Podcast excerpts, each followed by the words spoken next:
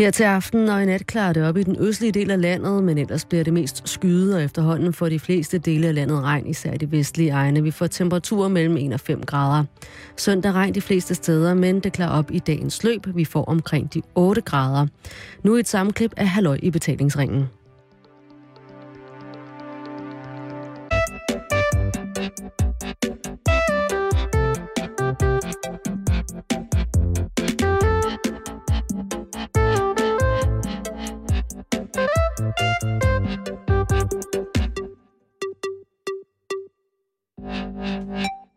Du lytter til Halløj i betalingsringen her på Radio 24 /7. I dag der skal det handle om musik. Nærmere bestemt dansk populær musik. Lille frække Frederik har jeg med i studiet i dag. Det, ja, han sidder over på den anden side. Han er din gæst. Men nu holder jeg kæft. tak. Så starter vi lige forfra. Okay, skal vi have jinglen igen? Nej. Nå, jamen, Ikke så meget forfra. Nej, vi skal snakke en hel masse om, hvad der ligesom præger det danske musikalske landskab lige nu. Og jeg kan lige så godt sige det, som det er, Simon. Vi kommer ikke hele vejen rundt og omkring alle musikgenre, der findes. Det kan vi simpelthen ikke nå på en time.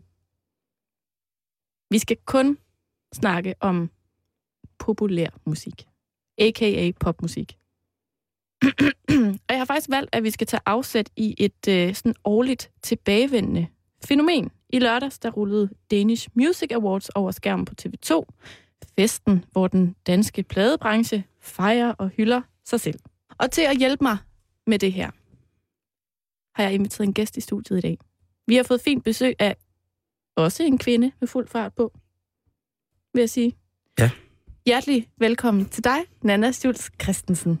Tak skal du have, Karen. Du er øh, musikanmelder i blandt andet Godmorgen Danmark. Mm. Og øh, du ved altså utrolig meget om musik. Man kan jo godt sige, at du som anmelder i Danmark lige nu er sådan overvåger den danske musikbranche. Mm. Er der noget, sådan, du er faldet over sådan lige for nylig? Noget, du synes, der er interessant? Noget, der ligesom foregår? Altså, vi vender tilbage til hele øh, Danish Music Awards-showet Ja. lige om lidt. Men jeg tænker bare på, er der sådan... Er der et eller andet, der slår dig? Er der et eller andet, sådan, der kendetegner sådan selve branchen lige nu, som du jo bliver en del af som anmelder? Altså, øh, jeg vil sige, at selve musiklandskabet øh, er, har jo ændret sig meget. Altså, det er jo, øh, som, som det her jo også kommer til at handle om i dag, og det er jo, at altså, populærmusikken øh, fylder rigtig, rigtig meget. Vi hører ikke særlig meget rock. Øh, jeg sad her i mandags i Godmorgen Danmark og anmeldte, nu er det godt nok ikke dansk, men det her med at anmelde en, en Soundgarden-plade, de er så tilbage efter 16 år, så det er jo også et comeback. Men det der med at, at høre øh, eksempelvis rock, det er der en, ikke særlig meget af. Det er meget de store popkunstnere, der præger øh, det danske musiklandskab lige nu, såsom Rasmus Sebak, Medina, Burhan G., øh, dem som vi alle, alle sammen kender. Øhm, og øh, og det, det vil jeg sige er det mest kendetegn lige nu for, for det danske musiklandskab, det er, at vi bevæger os rigtig, rigtig meget i, i poppens verden. Og apropos at bevæge sig i poppens verden, så skal vi nu snakke lidt om det her show, der altså løber stablen i lørdags på TV2, Danish Music Awards 2012. Og du var jo med, det er rigtigt. Altså, ikke- ikke showet. Nej, jeg sad på tilskuerrækkerne, ja. men du var der inde og opleve det her show. mm. Øh, der var 22 priser i alt. Det var så ikke dem alle sammen, der blev uddelt til selve showet. Det var der ikke. Det var der slet ikke tid til. Det Nej. var der ikke tid til. det blev uddelt før. Ja. Men hvad er sådan, først og fremmest, hvad synes du om showet? Jeg synes faktisk, at, øh, at det var et ret godt show. Øh, altså, nu jeg ved ikke, hvordan det har set ud på skærmen derhjemme, men jeg havde en fest i hvert fald, og jeg synes, at det var øh, godt tænkt med, at øh, der, den, det her podie, hvor man går op og modtager priserne, ligger nærmest sådan ude blandt publikum, og jeg synes selve sådan koreografien var rigtig fin. Øhm, og så øh, elsker jeg jo sådan noget med, at når kunstnere går sammen og laver nogle mashups, øh, for eksempel øh, så blev øh, showet skudt i gang af, af Nabia og Stine Bremsen fra Alphabet og Aura, øh, hvor de ligesom, de sang deres egne numre, men de, de gik ligesom var inde og overlappe hinanden. Øhm, og både visuelt fungerede det bare helt vildt flot. De er jo nogle dejlige mm. damer, alle tre. Altså, det må jeg simpelthen give dig ret i. Ja. Altså, det var girl power. helt vildt. Altså, ja, hele meget. showet åbner bare med de her tre super kvinder, der bare kan synge, og de kan danse, og de ser godt ud, og ligesom står sammen deroppe, det var meget stærkt, synes Ja. jeg faktisk. Det fungerede rigtig, rigtig godt, og det er jo også det, jeg synes, at et awardshow skal kunne, det er, at vi ikke bare skal se kunstnerne opføre deres øh, nummer live, men at der bliver lavet noget unikt, noget vi ikke har set før. Så det, øh, det er jeg helt vild med, og det er det, som, øh, som DMA gjorde et par gange i løbet af showet. Ja. Mm. Fordi der var jo også nogle andre, der gjorde det. Det er rigtigt. Der, var jo den her, der er jo den her ærespris, øh, som i år øh, gik til Thomas Helmi. Og, øh, og det havde fået øh, Mads Langer og Outlandish og øh, Burhan G til at lave sådan et, et medley, hvor de sang et Thomas Helmi nummer hver. Øh, og det hele var ligesom arrangeret af, af Burhan. Og jeg har altså et øh, soft spot fra, fra Bulle. Altså, han, han er virkelig dejlig. Så han, øh, han overraskede mig, det, det synes jeg var vildt lækkert. Og det ved jeg jo, at du har, og det har jeg jo også. Så jeg har simpelthen sørget for, at vi alle sammen lige kan høre, hvordan det lød, da Burhan G. han fortolkede Thomas Helmi.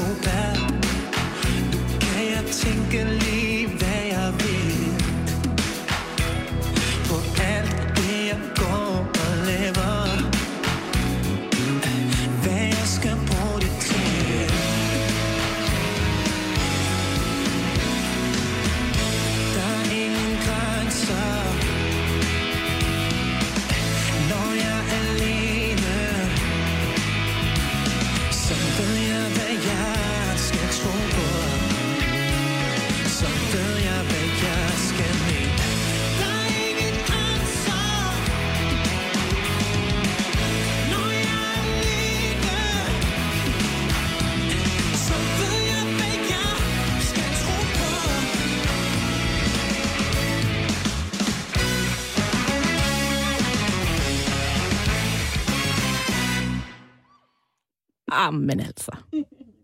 Åh, det var dejligt. Ikke, Simon? Jo, Ej, Simon? det er jo, Altså... altså, Ah, men altså. Ja, ja. må jeg godt sige noget? ja, det må du gerne. Det synes jeg er jo fantastisk. Buren, han har jo øh, han har det der koncept med, at øh, han er utrolig fascineret af, af, af det, som jeg kalder LA-afslutninger. Og det vil sige, at i LA, der har man en stor tradition inden for sessionmusikerkredse med at tage temaet fra selve sangen, hvis der er en, eventuelt er et tema, og så bygge så meget ovenpå, som man overhovedet kan i forhold til at holde pauser i det, eller, eller udvide den lille melodi, der er, til noget meget, meget, meget stort. Og jeg, jeg plejer at kalde det svulmende, svulstigt. Ja. Og Det det, er jo det, det bliver, ikke? Og, og der er, der er Burhans, altså øh, i effekt. Hvis man har set Burhan live, så, og det er efter min mening, det bedste, den bedste live-tour, der er lige pt., det er Burhan selv. Fordi han jo er en mand, som der er mange musikere, som er fantastiske live, men, øh, og, og solokunstnere, men de er ligesom ikke hands-on på musikken. Mm-hmm. Men, men, men øh, uden at give for meget væk, og uden at Burhan bliver sur på mig, så kan jeg godt afsløre, at Burhan på et tidspunkt spiller sig selv ned igennem sin scene på en synthesizer i hans nye liveshow. Og det gør jo sådan ligesom, at han tager alle de andre solister, som bliver produceret af alle mulige andre, så tager han en stor fed finger, og så sætter han på dem og siger, det er rigtig godt, det I laver, men jeg gør, lige, jeg gør lige det her selv. Mm. Og det er også det, han har gjort her, for man kan jo høre så meget Burhan i det her. Og det Mhm. synes jeg er fantastisk. Mm. Så synger han stadig mærkeligt dansk. Jeg skider på det. Der, var, der var en, der sagde til mig at den anden dag, øh, efter showet faktisk, at øh, han har snart materiale nok til simpelthen at udgive sin egen version af de der Kom tilbage nu Ja. compilation CD'er. ja. Ja. Fordi at han jo er svært glad for de gode gamle hits. Øh, Nana, hvordan vil du beskrive feltet? Altså, hvad er det for et billede, Danish Music Awards ligesom tegner af toppen af poppen af dansk musik lige nu? Jamen problemet er jo netop det, du siger nu, at det er toppen af poppen. Fordi egentlig burde Danish Music Awards jo tegne et fyldeskørende billede af hele musiklandskabet i hele Danmark. Øhm, men det er jo blevet toppen af poppen, fordi det er blevet, øh, det kommer tilbage på tv. Det havde lige nogle år af tv, fordi det er simpelthen sådan et dyrt show for tv-stationerne at producere. Øhm, og derfor er der også går jeg ud fra at taget en anden ret klar beslutning fra TV2's side om, at når, hvis vi skal sende det her Danish Music Awards, så skal der også være en stor kommersiel interesse i det. Og det er der bare mere i de her store popkunstnere. Altså man kan ikke lave et Danish Music Awards øh, uden øh, Medina og Rasmus Sebak og Burhan G, de der st- helt store. Øh, men det kan undre mig rigtig meget, at feltet alligevel er øh, kortet så meget ned til at være de store øh, kunstnere inden for populærmusikken, Mhm. mm. at der er rigtig mange kategorier, der også er skåret fra, øh, og at, øh, at DMA faktisk går hen ikke og tegner et fyldesgørende billede af den danske musikscene lige nu. Et meget godt eksempel på det er for eksempel øh, rock-kategorien. Ja. Nævnte du for mig, inden vi gik i studiet. Kan du ikke prøve at forklare, hvad du undrede dig over der? Jamen altså, øh, årets danske rockudgivelse, de nominerede, det var øh, D.A.D. Nå ja, det er, det er rock, det kan vi godt blive enige om. Øh, så var der Turbo Weekend. Turbo Weekend har ikke nogen guitarist. Øhm, og så var der øh, Spleen United, hvis øh, øh, nye album School of Euphoria er sådan nærmest transet nogle gange. Det er meget, meget elektronisk. Mm. Det er så dem, der går hen og vinder prisen også.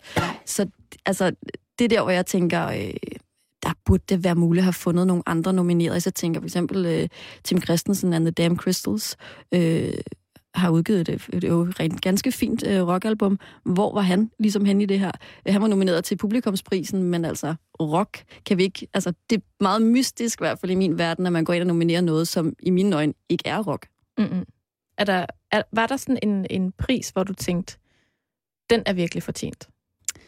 Jeg synes, at det er fortjent, at øh, Lucas Graham vandt for årets nye navn. Øh, det var den eneste pris, de tog med hjem, øh, så, øh, og det var rigtig vigtigt, at de fik en pris overhovedet, fordi det, de, det har været nogle af de mest markante på den danske musikscene.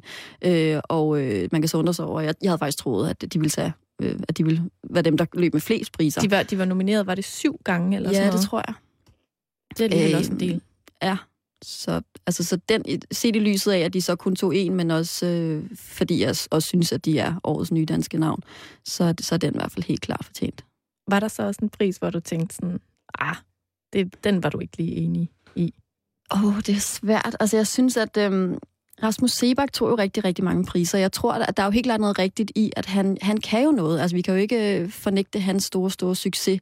Øhm, men sådan noget som øh, sangskriverprisen til ham og sådan noget. Jeg ved godt, vi, vi var lidt i tvivl om mig, der, om mig omkring, øh, om det var teksterne, eller øh, han melodierne? vandt. ja, altså det er, jo, det er jo melodierne, tror jeg, han, øh, han har vundet prisen for. Men der synes jeg måske... Altså, jeg synes, at der var nogle andre, der burde måske have taget den, vil jeg sige. Hvad vil du gerne sige, Simon? Jamen, jeg kan godt hjælpe jer i sangskriverkategorien. Det Fordi du Det meget er jo gerne. sådan, at mange af de populære kunstnere, som vi kender i dag, har øh, ansat sangskrivere. Det vil sige folk, som arbejder med at kun at skrive sange. De får aldrig deres eget navn frem på den måde, Mm-mm. men de arbejder rigtig, rigtig meget med at, at kun at formidle sådan et, et popagtigt udtryk. Mm-hmm.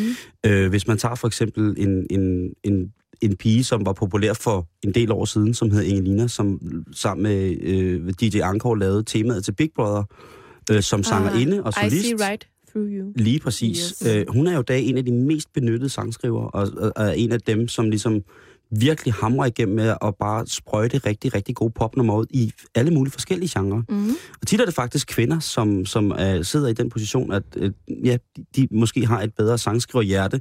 Tit og ofte, når man ser sangskriver som mænd, så er de en due. Så er det, så er det tit to mænd, der har Mm. fundet sammen. Den ene kan spille klaver, den anden kan spille trommer, og derfor så er det ligesom sådan. Og derfor så, sangskriverprisen er ligesom også givet for at sige, jamen prøv at høre, du skriver dit eget materiale, du producerer det selv, og ikke, du udgiver det jo ikke selv, men så er det ligesom, jeg tror, at, at alle de andre ting, som Rasmus har oveni, har Mm. gjort, at jamen, Øh, fordi det er jo, i virkeligheden er det jo en, en produktmesse for, for den danske musikbranche. Ikke? Mm. Der er jo også rigtig mange udenlandske folk, der sidder og kigger med og siger, Nå, det er det, de har at byde på. Ikke? De skal være meget glade for det. Så Musikmesse i forum? ja, lige præcis. Ikke? Og der tror jeg, øh, at sangskriv... Øh, øh, Grammin hedder det stadig det? Øh, eller Det er- det, DMA'en, tror jeg. Okay, det hedder, ja. det er gået til Rasmus, Awarden. øh, fordi at han ligesom øh, på gentagende album har bevist, at jamen, hans, hans sangsk- sangskriveri er ligesom En kæmpe Øh, succes. uigenkaldeligt noget, som kommer til at, at, at præge det her årtis musikhistorie. Ja. Ja, Øhm, Uden tvivl. så, så derfor så tror jeg, sang, og sangskrivertingen ligesom faldt på ham. Og så selvfølgelig også fordi, som Nana selv siger, jamen det ville da være mærkeligt at hive en eller anden frem, som folk slet ikke kendte i primetime. Vi blev heller ikke overbevist om, hvem der har været årets folkemusiker, vel? Nej. Øh, og jazz, jazzmusikerne har taget konsekvensen og lavet deres helt egen pris. Mm. Øh, og det har rock øh, prisen også, eller man kan sige, nu, nu nævnte du selv dit bands med rocken, ikke? Og Der er selvfølgelig tale om noget, noget udvikling i, i, i genren, selvfølgelig, fordi der er en genreudvikling. Men der er også tale om, at der er mange mennesker i den etablerede branche, som tænker, vi får alligevel ikke hyldet de rigtige. Vi, nu har vi været i branchen i 30 år, vi, og vi får stadig ikke hyldet de rigtige, på grund af, at der er et Vi merkantilt får tiltag. stadig ikke nogen priser. Ja, lige, det kan man også godt sige. Øh, men for eksempel sådan noget som Ken Gudman-prisen, den store danske tromslærer, som der bliver afviklet, øh, er jo et orke af gamle, lidt sjove rockmusikere, ikke, som hylder hinanden. Nu er det så blevet givet til øh, The William Blakes, faktisk, som øh, med de to Mikkel Nordsø-sønner, og så selvfølgelig Christian Let, skal stå for at hylde de her mere fremtrædende mennesker, der har givet noget til musikindustrien mm. i mange år. Så ja, man kan, man kan vel sige om showet, hvad, hvad man vil på den, her, på den konto, men sangskriver, det er Rasmus Sebak. Det kan jeg kun give dig ret i. Når man ser sådan et show, hvor, hvor tæt ligger det så op af sådan, hvad skal man sige, sandheden? Altså, hvad, hvad kan man egentlig bruge det her show til, når man ikke er en del af festen som musiker eller øh, noget andet i pladebranchen? Altså, som udforstående, hvad, hvad kan man så ligesom tage fra det her show og bruge til noget? Altså, man kan jo sige, altså showet er jo, øh, er jo, har jo en underholdningsværdi. Du kan jo øh, se det, og så jeg tror også, vi, vi snakkede om før vi gik i gang her, at vi begge to faktisk synes, at det er et, et ret godt show. Det, øh, det, det, der blev sendt i lørdags, var øh, rigtig underholdende og flot. Og det blev der jo lagt øh, mange penge i, at der var ekstremt meget, jeg lagde mærke til, der var ekstremt meget ild. og meget ild og fyrværkeri, og øh, der var virkelig ikke sparet, vel? Øhm, så det kan man jo for det første få ud af det, og blive underholdt med det her årlige show. Man ved, at man er sikret, at alle de største møder op. Øhm, og øh, så, altså jeg ved ikke, det med selve priserne, jeg ved ikke, hvor meget vi kan bruge til det som musiklyttere, og hvor meget musikerne rent faktisk kan bruge de her priser til. Fordi at, øh, man kan sige sådan lidt som Rasmus Sebak, han er jo i forvejen så kæmpestor, at de her priser, jo, de kommer sikkert til at bryde øh, en eller anden hylde, hvor der står en milliard andre hjemme hos ham. Øhm, men men om det genererer pladesalg, øh, mere pladesalg til de, de vindende kunstnere, det er jeg faktisk ikke sikker på, at det gør. Altså, øh, det er et, et underholdningsshow mere end det er, øh, nu skal vi ligesom tegne et billede af musiklandskabet, og nu skal vi øh, få nogle kunstnere til at sælge mere, eller sådan. Mm. Altså, jeg tror, det er primært underholdning, og, øh, og jeg selv i hvert fald bruger det som et, øh, som et fedt underholdningsshow, hvor jeg kan mm. se nogle, nogle kunstnere optræde. Og især, jeg synes netop især, det er fedt at se nogen gå sammen om at lave noget, netop som vi snakker om tidligere med, med de tre damer der, og så også med hyldelsen til, til Thomas Helmi. Det er sådan noget, jeg synes er, er virkelig, virkelig fedt, hvor at vi holder kunstnerne på duberne og mm. får dem til at lave noget andet, end at bare stå og lire deres egne numre af. Øhm, det synes jeg er fedt ved det.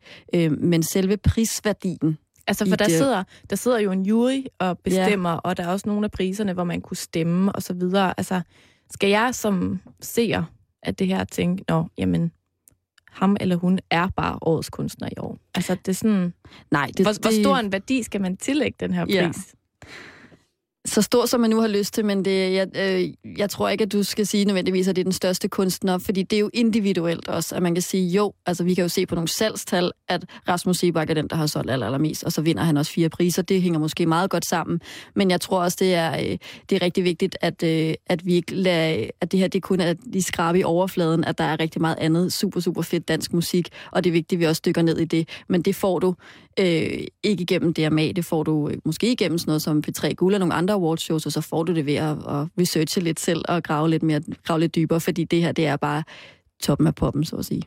Og apropos andre steder og andet dansk musik, så bevæger vi os væk fra Danish Music Awards nu. Året 2012, det går så småt på held. Og øhm, hvad, hvordan vil du ligesom gøre status over musikåret 2012 herhjemme? Åh, oh, det er svært at gøre status endnu. Øhm, øh, jeg synes, det har, været, det har været et godt år for dansk musik. Det lyder sådan helt vejrudsigtagtigt. øh, jeg, altså, jeg synes, der er kommet rigtig meget nyt, interessant dansk musik. Der er jo, det, der er kendetegnende i år, det er jo blandt andet, at altså, der er jo rigtig mange danske kunstnere, der synger på dansk. Øh, vi har set sådan et, et skift i, at der er rigtig mange, der vælger at synge på dansk. Og så er der også hele den her dancehall øh, reggae-bølge, som er skyllet ind over, os, øh, over sommeren, og som stadig øh, ligger og, og lummer lidt.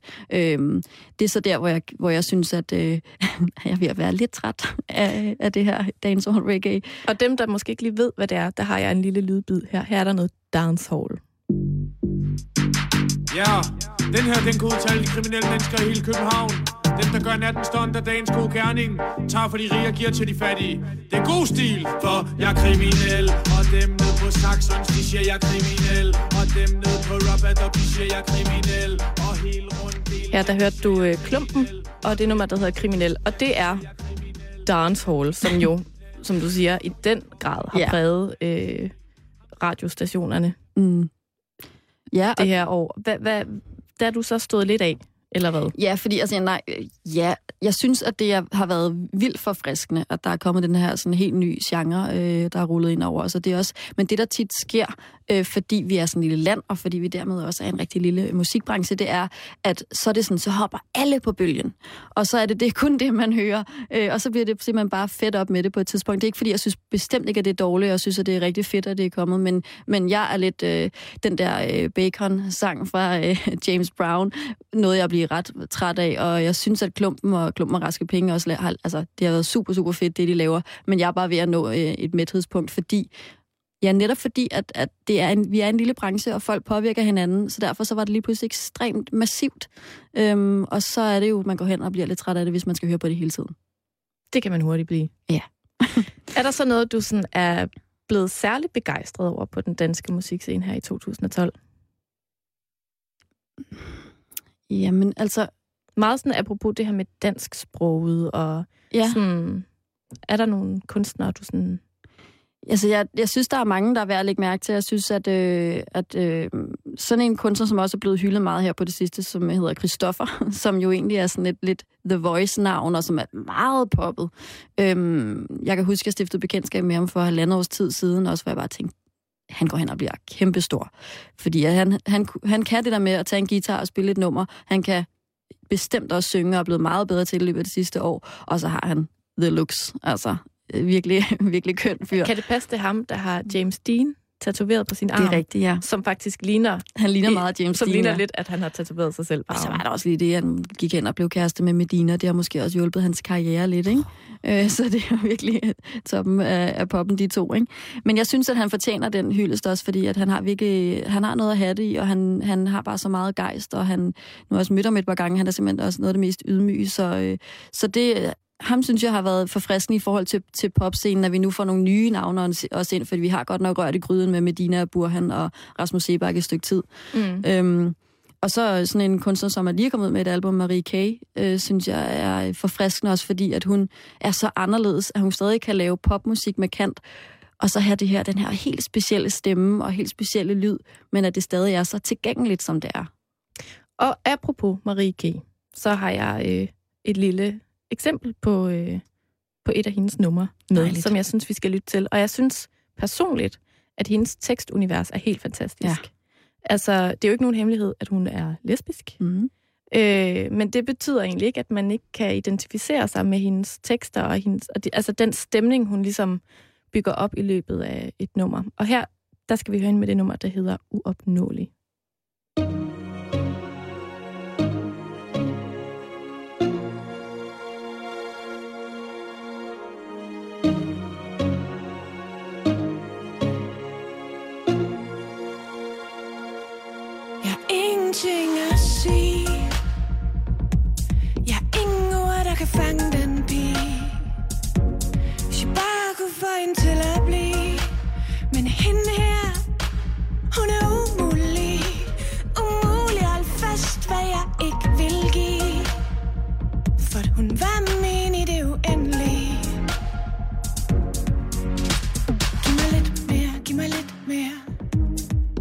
til stik. Giv mig lidt mere, giv mig lidt mere. Du må ikke give slip. Du er den jeg drømmer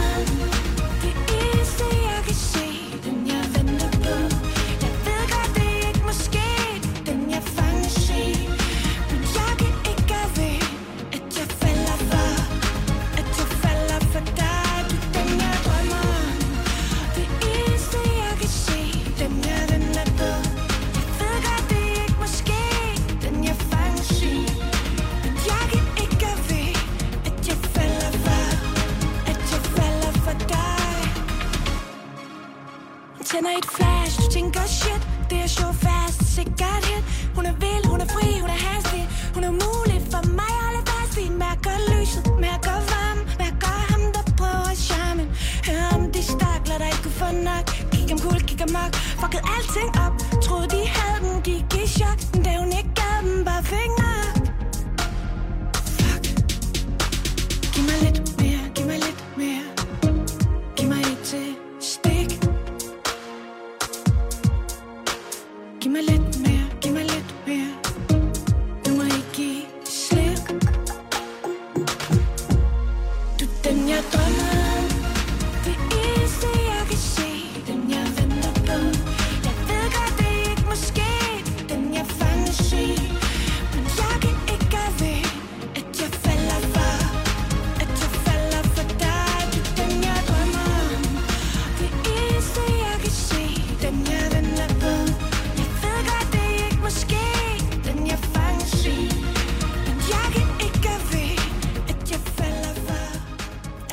jeg Her hørte du altså Marie K. Et dejligt nummer. Det er så dejligt, ja. Hendes der stemme så- er helt fantastisk. Altså, det er det- det... sværisk, altså. Ja, og hun har fået hjælp på hele den her plade fra øh, den ene halvdel af Stoffer og Maskinen. Mm. En gut, der hedder Andreas. Ja. Som altså har været sådan producer på det her elektroniske Ja. univers. Det kan man sige, det er jo også det, Stoffer Maskinen er rigtig god til at lave de her meget lækre, elektroniske, melankolske pop-melodier, mm. ikke? Og så med Marie K. indover som øh, vokal, vokalist, så går det slet ikke galt. Hold kæft, det er så godt. Du ved, ligesom med det, hvorfor har, der, hvorfor har, har kvindelige DJ's for eksempel, du ved, altså, Dem er der da også masser af. det er der masser af, men hvorfor skal man ikke se dem på scenen i samme øh, omfang, omfang som for eksempel, nå ja, mandlige DJ's? Det synes Mm. jeg, du skal spørge mændene om. Det har du egentlig ret i. Hele EDM-bølgen, øh, den er jo præget af, Ja, det må man af sige. mænd. David Guetta og Swedish House, Mafia. Så kan man så diskutere, om Swedish House Mafias er mænd. Dem tænker du er damer? Ja, det tænker Indvendigt jeg. er de lidt. Ja, det tænker jeg. Jeg tænker nogle gange, der tænker jeg, De får fæsende, tænker ja, det er simpelthen for skident, mand. Hold kæft, noget skident musik, altså. Nana, det her, det var så, hvad skal man sige, et bud på sådan en, øh, et, et godt øh, 2012 dansk sproget, øh, øh, dansk sproget kunstner. Ja. Hvis man så skal se på sådan mere, øh, hvad skal man sige, en, en dansk kunstner 2012 med noget international pondus, altså en, vi sådan kan, kan være lidt stolte af herhjemme, hvem vil du så nævne? Jeg personligt er meget, meget stolt af Nabia lige for tiden, øh, og har været det i lang tid. Jeg synes, hun er en helt fantastisk øh, popsangerinde, og hun har internationalt format, ikke både i sin stemme, men også i sin fremtoning. Øh, og da jeg så hende på scenen der til DMA, jeg synes helt klart, hun var den af de tre, der stod på scenen, der havde mest øh, pondus og karma og internationalt format, ikke mindst. Øhm, og hun, øh, altså hun er jo også allerede øh, på vej derud af, og man kan sige, at hun samarbejder jo også med hendes manager, bor i London, og er, hun er meget i London også, så, så det, er jo, øh, det er jo også hendes udgangspunkt. Øhm, men hende er jeg meget stolt af. Jeg tror, hun kan tage den rigtig, rigtig langt. Og jeg synes lige, vi skal høre, hvordan det lyder, når Nabia hun synger. Så øh, her er nummeret Mind the Gap.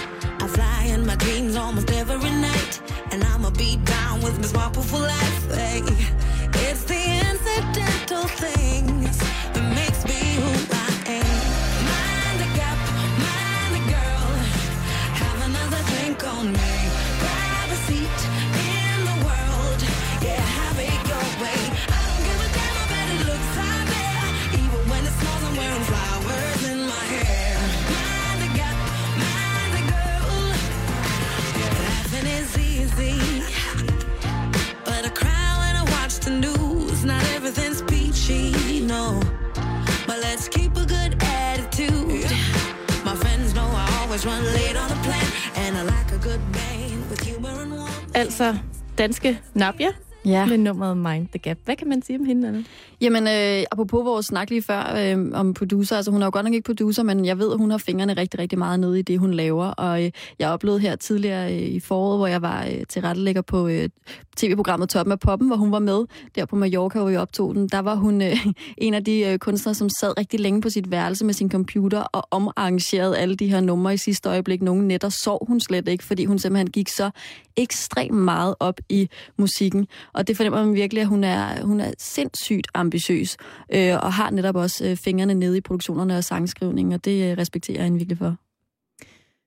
Vi er så spot ved at være ved vejs ende med denne omgang Karndag. Øhm, men inden vi stopper, så tænker jeg lidt på, altså er der øh, et band, eller en kunstner, eller et eller andet musikalsk fænomen, man helst skal have stiftet bekendtskab med fra 2012? Altså noget, hvor at man står nytårsaften, og der er en, der siger, har du ikke hørt det? Hvordan kan du ikke have hørt det? Altså er der et eller andet, man sådan... Hvis, øh... hvis det er det, der er kriteriet, så kan vi så godt blive enige om, at det er Gangnam Style. ja, okay. Nu tænkte jeg så på dansk musik. okay. Jeg ved godt, jeg sidder her Den kommer til at brage ud til alle nytårsfester. Åh, ja. Fælles dans. Ja. Ja. Jeg skal ikke være nytår. Du, du Du ligner ham ellers lidt. Du kunne da Nå. godt uh, fyre den af som Ja. sej. Jeg skal vise dig en, en hjemmeside på Facebook, hvor der er 60.000 mennesker, der godt vil have mig til at danse Gangnam Style. Jeg har set Simon gøre det. I små, Ej. Hvor? da du ikke så, jeg kiggede. Jeg tror aldrig, jeg har gjort det. Så ville jeg blevet utrolig rig, hvis jeg havde gjort det. Ja. Nej, men når jeg tænker på det der, er der sådan et, et nyt dansk fænomen, som måske er sådan født i 2012? Eller er der noget undergrund? Er der noget, et eller andet, som, mm. som er godt at vide, eller som man ligesom på en eller anden måde skal have nået at lære at kende i år? Åh, oh, jeg synes, den er svær. Øh, altså, jeg vil... Det er jo også lidt kedeligt til nogle gange, man har talt om. Jeg synes altså, Marie K., hun, at det er bare sådan et, et, et fantastisk album, altså, så jeg, som jeg synes, at lige meget, om man så... At det går, at man ikke skal være øh, seks år gammel, men, men teenage-tiden der, den, den alder, hvor, som jeg også var, da jeg lå på... Man kan øh, godt græde til hendes man- nye album. Det kan man nemlig, og man kan godt ligge på efterskolen ja, og lytte til det, når man falder i søvn. Øh, og man kan altså også, synes jeg, være oppe i 60'erne og 70'erne døden nær og stadig høre det. Så sagt med andre ord, når man lige om lidt går amok i julehandlen, Ja. så uanset om det er fætter Frederik eller onkel Jørgen, der skal have en CD, så kan man godt måske investere i den her plade. Så kan man godt tænke lidt ud af boksen, og ikke kun tænke Rasmus Sebak, men også måske putte Marie K. ned i den der indkøbskurv. Ja. Nana, bare lige sådan her til sidst. Hvad er sådan den næste øh, koncert, du har på øh, programmet, hvis man har lyst til ligesom at følge dine fodspor? Ja, altså øh, som jeg indledte med, så er jeg jo lidt en poptøs også, og jeg, øh, jeg regner stærkt med at skulle ind og se Chris Brown i Forum i morgen aften. Jeg synes, øh, man kan jo så synes om manden privat, hvad man vil. Øh, han har jo... Han øh, er altså en givet- skidt kæl. Han er en skidtkæl, der er han, men han er kommet videre og har været på anger management kursus. Øhm, og jeg synes, at han er en fantastisk performer, en, en fed danser, og jeg bliver sikkert skuffet over lyden og musikken, og han synger sikkert playback og sådan noget, men, øh, men han, jeg, jeg synes, han er fantastisk, så ham vil jeg gerne ind og opleve. Så øh, der kan du faktisk møde Nana i morgen Der mødes til, vi, ja. øh, til Chris Brown-koncert. Nana, tusind tak, fordi at du var gæst her i betalingsringen i dag. Tak fordi jeg måtte komme. Og øh, Simon, tak for god ro og orden. Men selv tak. søren.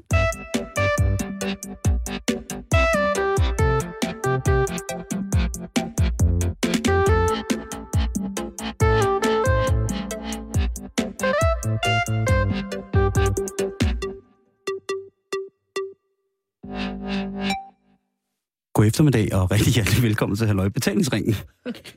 Skal vi dele mikrofon i dag? Det kunne da være Det kunne være ret erotisk. ekstravagant hyggeligt, men øh, der, Nu kan jeg høre dig. der, der var jeg der. Der var jeg der. Det er vores øh, tekniker, som øh, går til yoga hver øh, onsdag inden øh, erotisk onsdag, ellers så kan han ikke holde til det. Han ryster lidt på hænderne, når han kommer ind. Han kommer lige derfra, og Ja. det er et særsyn, men Det kan komme okay. lidt af dem. Karen, øh, det er erotisk onsdag, Det er det. og øh, kulden har for alvor taget fat omkring vores skrøbelige fysiske hylstre, også kaldet kroppe. Og det regner, og det blæser, og det bliver bare mørkt hele tiden. Ja. Og i virkeligheden burde man bare ligge i sin seng Åh, det ved jeg nu ikke. og bare godt løs. Nå, okay. For Jeg det er sikker sex. det var sikker sex. Det er det fandme, Karen. Og det skal det jo handle om i dag. Det skal det i den grad. Det skal i den grad Stensikker sex. øh, og det skal handle om, hvordan og hvor gode vi selv er øh, og til dels ungdom i dag, er til at øh, vide, hvad der er probert øh, i henhold til prævention. Hvad findes der? Hvor godt udstyret inde i hovederne er vi til at bruge det udstyr, der rent faktisk findes, Mm. således at vi kan undgå øh, øh, kønssygdomme og graviditeter og sådan nogle ting og sager. Altså, nu siger du de unge. Ja. Jeg tænker, at det vel også gælder folk på din alder og Jeg kan- op efter. Det gælder i den grad også for os, der er plus 30. Mm. 35 plus. og heldigvis så har vi øh, fået besøg af efterhånden vel øh, denne uges øh, husseksolog, havde han sagt, eller sexrådgiver fra øh, Sex og Samfund. Mhm. Det er Jeppe Hall, han kommer her og skal snakke om, hvordan det er, at øh, vi har det med prævention i dag. Blandt andet. Og skal vi snakke om seksualundervisning, og vi skal snakke om, hvordan sex i det hele taget har det som øh, et emne, man skal tage vare på og snakke om også, udover at man selvfølgelig skal udføre det. Men, Karen, Ja.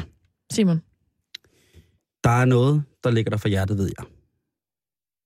altså noget, jeg gerne vil snakke om. Ja, vi snakkede lidt om det i dag tidligere. Ja, men det er fordi... Som er en problematik, vi alle sammen kender. Ja, men det er fordi... nu kommer der en historie fra det virkelige liv. Gør der det?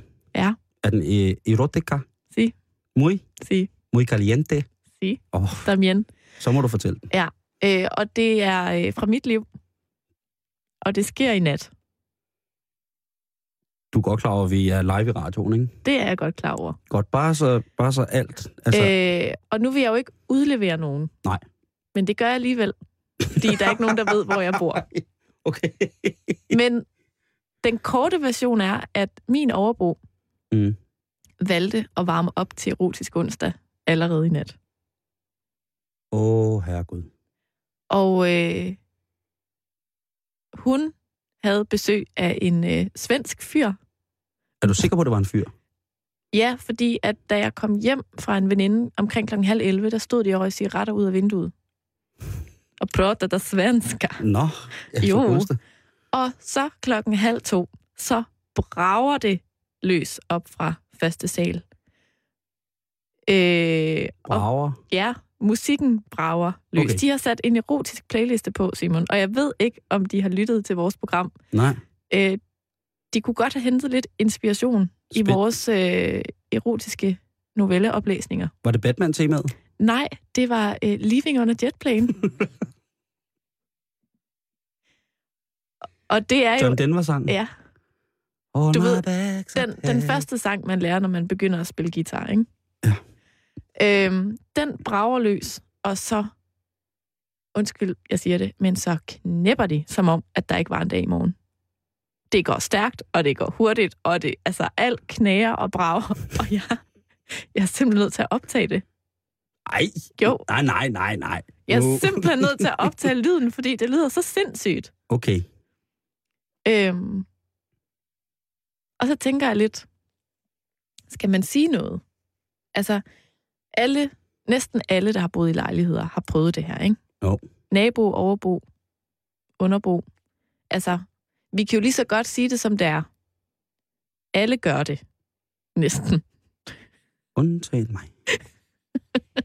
Dine naboer, de klager aldrig. Nej, jeg er musestille. Nok om det, Karen. Ja. Nu skal vi snakke om prævention. Ja. Og til det, så har vi fået besøg af Jeppe Hall. Hej Jeppe, Hej med jer.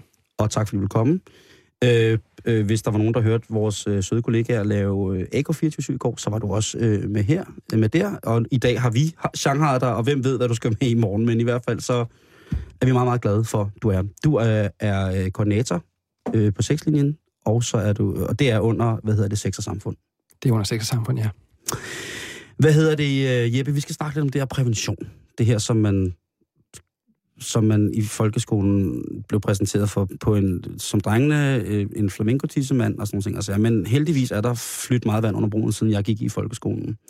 Og øh, der er kommet rigtig mange nye øh, former for prævention, og I på Sex og Samfunds hjemmeside har blandt andet en lille bitte oplysning om, hvad der er af nye ting, der er kommet Det har vi, ja. øh, hvad man kan anvende, når man bruger oplyse omkring det.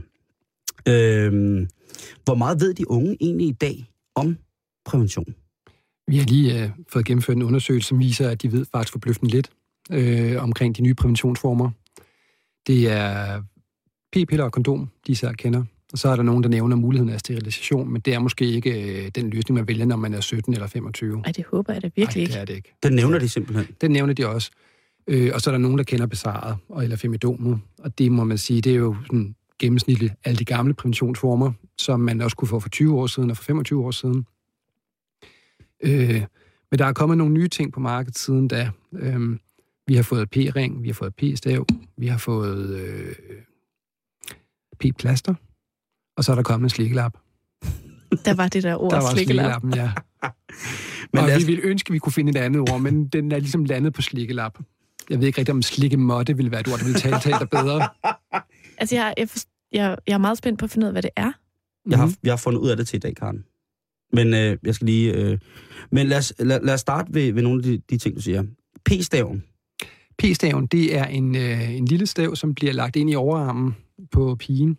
Og der kan den så sidde i tre år, hvor den øh, beskytter mod graviditet. Og det betyder, at i de, i de tre år får hun ikke nogen ægløsninger. Øh, hun kan få lidt uregelmæssig menstruation, for eksempel. Der er nogen, der vælger at få den fjernet igen, fordi der er nogle bivirkninger, de har svært ved at leve med. Men den beskytter som noget af det allerbedste faktisk mod graviditet. Og det vil sige, at man skal slet ikke tænke på, om, om man har brug... Altså, man behøver ikke være grund at være bange for graviditet. Må jeg lige hurtigt spørge Ja, noget? ja. Nu siger du, at- at hun ikke får ægløsninger. Ja. Vil det sige, at man slet ikke får menstruation i tre år? Det er der nogen, der ikke gør. Og det er ikke farligt ikke at få menstruation. Det lyder egentlig meget tiltalende, synes jeg. Ja. Men der er også nogen, faktisk nogle piger kan jo vældig godt lide at øh, få deres prævention og få deres blødning for ligesom at, at vide, at, at øh, tingene fungerer, som de skal. Ja. Og få den der fornemmelse af at være fuldstændig almindelig stadigvæk. Ikke? Men det er så... Øh, det, det, det må så være et eller andet, der indeholder noget hormon. Øh, Ja, Det er, en, man, det er gestagen. Det er hormonet gestagen, som er i staven. Okay. Øh, og det kan man sige, altså grundlæggende set, så har vi stadigvæk kun de tre ting, der er at vælge imellem. Altså enten kan man blokere for, for sædens vej til ægget, eller man kan undertrykke ægget, og det vil sige, at man kan bruge noget, som er en barrieremetode, eller man kan bruge noget, som er, en hormonmetode. Ja, fordi p-staven vil jo øh, selvfølgelig ikke beskytte mod seksuelt overført kønssygdom. Nej, det sygdom. vil den ikke. Nej, men den, vil- den vil kun kontrollere øh, graviditetsmomentet i det. Ja. Okay. Øh, den havde jeg hørt om, p-staven dog. Mm. Så kom der noget andet, der hedder p-ringen, og den havde jeg sgu ikke hørt om. Ja, halløj P-ringen. Ej, ja. Og merchandise! ja. Hvad det hedder. P-ringen, det er en lille blød plastikring, som man øh, pigen lægger op i sin skide, og så bærer hun rundt i den op i skiden i tre uger, så tager hun den ud, og så har, får hun en blødning. Øh, og så når blødningen øh, hvad det hedder, har varet i syv dage, eller hun har i hvert fald holdt pause i syv dage for ringen, så lægger hun en ny ring op og går rundt med den i tre uger. Og ringen kan godt tages ud i op til tre timer inden for 24 timer, øh, hvor man så kan sætte, nå at sætte den op igen, når man stadig er fuldt dækket mod graviditet. Øh, man kan ikke rigtig mærke ringen, når man går rundt med den deroppe. Jeg har lidt spørgsmål igen. Ja, ja. Altså, Du bryder bare ind. når man så tager den ud i eksempelvis tre timer, Ja. er det så for at knalde, eller hvad? Fordi jeg tænker, om, om, om den kan ligesom blive revet løs, eller et eller andet af samleje. Jamen, den ligger jo, altså, den ligger jo faktisk bare løst op, kan man sige. Nu øh, er skiden jo ikke sådan et stort åbent hulrum, øh, når der ikke der er noget derinde. Grotten. Øh, grotten, nej, det er faktisk sådan, så at skedevæggene som regel hviler mere eller mindre mod hinanden. Så det vil sige, at den ligger derinde, og, og ligger bare fast ved at ligge derinde. Den ligger tit op omkring livmorhalsen. Øh, man kan sagtens samleje med den i. Man behøver ikke tage den ud. Du behøver ikke tage den ud for at knalde. Men, men hvis, det er, hvis drengen synes, han kan mærke den, hvis man synes, den generer, mens man har samleje, kan man godt vælge at tage den ud. Man skal for guds skyld bare ikke i søvn bagefter, før man har lagt den op igen. Fordi ellers så kan man finde på at sove længere end de der tre timer, den var ude. Og så øh, har man måske behov for, for, for nødprævention i stedet for øh, prævention. Og hvad er det, den gør ved, ved at lægge det op? Øh, Den, P-ringen, den, den frigiver også et eller andet, eller Ja, hvad? det er også gestagen igen. Øh. Okay. Den frigiver løbende gestagen, og det gode ved den er selvfølgelig, at øh, den afgiver det direkte til slimhinden, så den optages i kroppen på en anden måde, end for eksempel øh, p-piller gør. Mm. Altså, man bliver godt nok klog i dag, synes jeg. Mm-hmm. Så er der p-plasteret, og den troede jeg måske lidt var en, en and. Men den øh, har du også forklaret før programmet, at det, det findes et p-plaster simpelthen. Ja, og det er ikke noget, man kan tage på for at gøre sig usynlig over for p-vagter. Det er, det er altså et, et plaster, man, hvor pigen, det er igen pigen, der bruger det her, det er også en gestagenmetode. Øh, pigen tager det på og bærer det rundt på hvad det hedder, maven, på ballen eller på brystet. Nej, ikke på brystet, på overarmen. Øh, et plaster en uge ad gangen, og så skiftes det. Og så har hun en uge uden plaster, hvor hun får sin blødning, og så tager hun en ny plaster på på 8. dagen. Øh, og på den måde så er hun hele tiden dækket mod at få sin ægløsning, øh, og dermed kunne blive gravid. Så det er igen stadigvæk øh, det der hormonelle øh, bla bla bla. Ja, men, Der- men igen bliver det- den optaget gennem huden, ja. øh, og skal igennem fordøjelsessystemet for eksempel. Okay. Og det positive for eksempel ved p-ring og p-plaster er jo, at øh, du kan holde op med at bruge dem fra den ene dag til den anden, og i løbet af, af hvad det hedder, ganske kort tid, altså inden for to måneder, så vil din øh, menstruationscyklus og din ægløsningscyklus efter, eller i alt de fleste tilfælde, være helt almindelig, at du vil kunne blive gravid. Jeg synes, det lyder helt vildt, det der med, at noget, du sætter på din arm, kravler ned og påvirker noget, altså der et helt andet sted. Altså det er, sådan, det er helt skørt, Jamen, at, at det fungerer sådan det er jo, altså man har jo forsket meget i, hvordan lægemidler kan optages i kroppen igennem mange år, altså og har også fundet en ny, altså næsespray var også noget nyt, da det kom frem, for eksempel. Nu kan man så ikke få øh, prævention på næsespray nu, men øh, det kan da være, det kommer. Øh, men, men det, som, som mange af de her sådan, øh, præventionsformer sigter på, det er jo kvinder. Det er jo stadig flest præventionsformer til kvinder, hvilket er lidt ærgerligt, fordi drenge og mænd måske også godt kunne tænke sig at vide, at øh, de ikke bliver fået til at være farmand på et eller andet tidspunkt. Ja. Altså det er i virkeligheden sådan en meget central ting i hele den her præventionssnak, det der med tillid, ikke? Ja, det er Fordi at, no offense, så som du selv siger, så er det bare tøserne, der står med sådan flest muligheder, når det kommer til prævention. Og det er måske heller ikke helt tilfældigt, tænker jeg. Men omvendt, så kan jeg virkelig også godt forstå de fyre, der indimellem tænker, jamen, er hun nu også på b-piller, og er der nu også noget? Men de har jo altid muligheden for at tage et kondom på. det. har de. Altså, så de har, altså, det er også noget fis at sige, at mænd ikke har noget alternativ, for det har de jo. Men, øh, men det er lidt interessant, synes jeg, det der med, at, at det ligesom på en eller anden måde stadig er vores ansvar, at øh, der ikke er nogen, der bliver gravid. Ja, men jeg tænker faktisk, at det er faktisk sådan, at det er ikke kønsdiskrimination, at der findes flere præventionsformer til kvinder end til mænd. Det er fordi, at, at med kvindens øh, ægløsnings- og menstruationscyklus, er det meget nemmere, et meget nemmere hormonsystem at øh, påvirke øh, for at, at lave en præventiv effekt, altså for at få beskyttelsen mod graviditet, end det har vist sig at være at lave noget til mænd. Mm. Øh, man har forsøgt sig med flere forskellige ting til mænd, og det, at altid har der været bivirkninger, som har været for svære, øh, øh, og, og utilsigtet måske også. Men, men altså, der er ude, måske noget på vej inden for de nærmeste 10 år. Mhm. Øh, Hvad, hvad kunne det for eksempel være? øh, man kan gøre sædcellerne dårligere til at svømme. Altså, der har været snak om Så de kan der... de jo ikke svømme op til, til ægget nej. og befrugte pigen, for ja, eksempel. fordi der, der har været snak om de der p-piller til mænd jo. ikke? Ja, og de har været på, altså man har snakket om dem i mange år. Altså da jeg startede som rådgiver på sexlinjen tilbage i 1998, der, der allerede dengang snakkede man om, at, at, at hvordan kunne man lave den her præventionsform til mænd. Øh, og, det snakker man sådan set stadigvæk om, og dengang var der også en 10-års horisont på, at måske kommer det om 10 år. Og hver gang har man så fundet ud af, at jeg havde en kollega på et tidspunkt, som var med et forsøg, hvor, hvor man fik testosteron, øh, for at, øh, hvad det hedder, øh, eller også fik man nedlagt sin testosteronproduktion øh, egentlig. Det kan jeg faktisk ikke huske nu, hvad vej det egentlig vendte. Men man, man pillede i hvert fald ved testosteronen for at se, om det havde en, en, en præventiv effekt. Altså, at man kunne forhindre sædproduktionen, sådan, så at, at den klat, der kom ud, der var bare ikke nogen sædceller i. Overlagt dårligere sædkvalitet. Fuldstændig. Det lyder ædret usundt.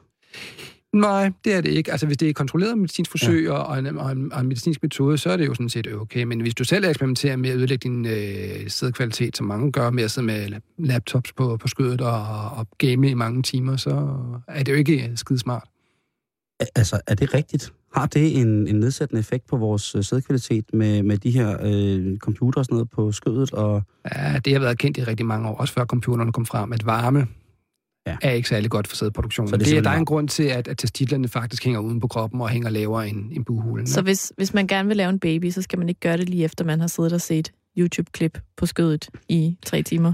Nej, nu er jeg siddet tre ikke- måneder om at blive produceret og komme ud. Men, øh, men det, altså, det, det, er- på længere sigt, så har det altså en effekt. Det er godt at vide. Ligesom de... Øh, jeg vidste ikke, at det bare var varme jeg, var- øh, fra computeren. Jeg troede, det var et eller andet med noget... Det er ikke stråling. Ja, man har, man har hørt historier, ikke? Dårlige Øh, energier. Ja, lige præcis, ikke? Men at det er jo det samme med, med for stramme bukser til mænd og så fremdeles. Præcis, det er samme problemstilling. Nå, det er jeg glad for. Jamen, nu kommer vi til det. Nu kommer vi til slikkelappen. Og øh, Jeppe, vil du ikke starte? Fordi det er jo trods alt dig, der er eksperten. Hvad er en slikkelap? En slikkelap, det er en, øh, et tyndt stykke øh, latexgummi, som øh, der er ikke, øh, det er bare et firkantet stykke, som man kan lægge hen over en kropsåbning, som man gerne vil slikke på. Øhm, og det handler ikke om at undgå graviditet, det handler om at undgå risikoen for at blive smittet med sexsygdomme, når man har oral sex. Hvad for en kropsåbning man vælger at lægge den hen over, det må man selv om. Øh, de fleste regner med, at man kan lægge den over skiden på kvinden, og så undgå, at hun smitter en, at man smitter til hende. Men man kan selvfølgelig også lægge den over øh, endetarmsåbningen, og så skal man, ja. Der kommer lige et spørgsmål mere Ja. herover for mig. Altså, er det ikke... Jeg tænker bare, hvad er det for nogle sexsygdomme, man gerne vil undgå? Altså, den eneste, jeg sådan umiddelbart kan komme i tanke om, som man kan overføre oralt, er det ikke herpes? Herpes er den mest øh, udbredte øh, sexsygdom oralt, ja. Men du kan smittes både med syfilis og med gonorrhea med klamydia i halsen. Øh, så, så der kan være meget god belæg for at, at bruge en slikkelap, hvis du har mange skiftende partnere. Øh, Anne Linnet, havde jeg nær sagt. Og, øh, Hold da op. øh, hvad det hedder, så Jeg tror, hun god- har en slikkelap. Eller også kan det være, at hun ville ønske, hun havde haft en. Men i hvert fald, slikkelappen kan altså beskytte, men man kan også sige igen, altså hvis man vil gå med livrem og seler, så er slikkelap en god idé. Øh, hvis man har en fast partner, og man i øvrigt har været sammen en række, så har man måske fået det meste fra den anden, man kunne få alligevel. Ellers har man været sammen nede og blive tjekket Det kan man på også have valgt at gøre. Ja. Ja. Fås slikkelappen i håndkøb, ligesom mange, eller hos din læge, som øh, mange af de andre øh, præventive midler, vi Nej, snakker om. nej, slet ikke. Det- Faktisk er den jo ikke specielt kendt, og apotekerne ligger ikke inde med den. Man kan købe den i nogle af kondomerierne her i, i landet. Man kan bestille den på internettet, og jeg også... Øh, man kunne også gå ned og lægge pres på sine lokale apoteker for at føre dem i forretning, eller tage dem hjem til en. Jeg er nødt til lige at have noget fuldstændig på plads. Ja. Altså, det er en latexlap, Ja. du lægger henover. Ja. Der er ikke noget hul, hvor du lige kan, altså, hvor du kan Du kan tage... ikke putte noget ind i den. der er ikke sådan, det er ikke sådan en, en kvadratisk stykke, øh, stykke latex med et hul, hvor at, at penis så kan komme igennem, eller du ligesom kan komme ind i noget. Det er simpelthen ligesom at lægge et stykke papir henover, Det er som at smide lag på sengen.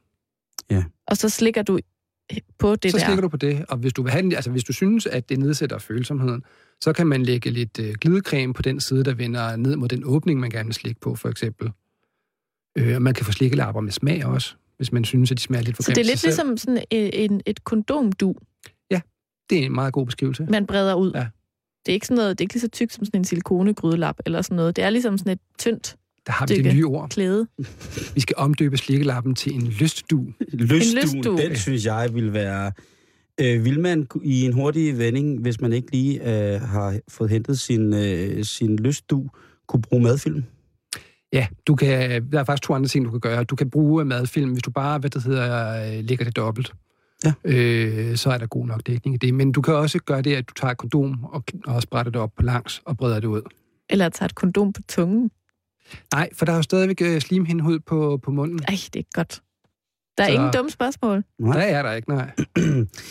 Og det, er øh, hvad hedder det, det er jo så, øh, nu, nu er der så også i jeres beskrivelse af forskellige præventionsmidler på jeres ganske udmærket hjemmeside, øh, Femidomet, det klassiske, øh, Ja. ja. og så kondomet selvfølgelig. Ja. Dem skal vi ikke gå, gå nærmere ind på. Men de, det var rart at få syn for sagen med de her nye ting, som jeg jo sådan set, der var ikke kendte. Det var ret... Øh, Mm. så man kan sige, hvis vi starter tilbage til første spørgsmål, hvor gode er vi selv som voksne eller til at kende de her nye præventionsmidler? Der er rigtig mange voksne, som ikke kender særlig meget til dem, altså som bare fortsætter med det, de kender i forvejen, og fordi det fungerer godt for dem, og fred være med det, kan man sige. Men, men nogle af dem, der oplever problemer med deres præventionsbrug, kunne måske godt have glæde af at kende nogle af de andre former, øh, og gå til sin læge og spørge omkring dem, eller tjekke ind på vores hjemmeside og tjekke dem ud. Mm. Også det der med, at det er jo for så vidt de voksnes rolle at videregive det her, øh, synes jeg. Eller jeg kommer da i hvert fald fra et hjem, hvor det er blevet fortalt, ligesom, ikke? Øh, er det stadig lidt tabu for de voksne at snakke med ungerne om, øh, om hvilken prævention de bruger, og hvad, hvad skal de bruge egentlig?